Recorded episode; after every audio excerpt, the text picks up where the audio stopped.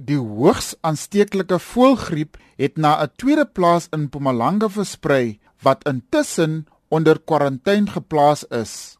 Volgens Dr Charlotte Nkuna van die Suid-Afrikaanse Pluimveevereniging is die verspreiding baie naby aan die eerste plaas waar die voëlgriep aanvanklik uitgebreek het. It has spread to one other farm but it's contained on those two farms. So for now, it's only two farms that are affected, and the one is almost finished culling the birds, and the other one, they are busy with it. So it's only two farms, and the farms are close to each other. Sy sê al die hoenders op beide plase gaan van kant gemaak word. They've decided to depopulate the whole farm. They are busy now culling the chickens on the second farm. The sites are close to each other, so for precautionary reasons, they are going to cull all of them. Konna sê daar is basiese voorkomingsmaatreëls wat hoenderprodusente kan toepas teen die gevaarlike voëlgriep. The farmers should be on very high alert and they should look out for higher than normal mortality, so dead birds,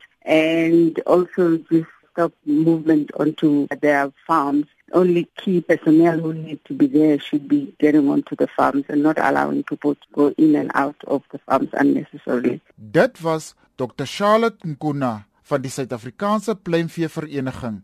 Ek is Maliklole Gwatyu vir SAK nuus.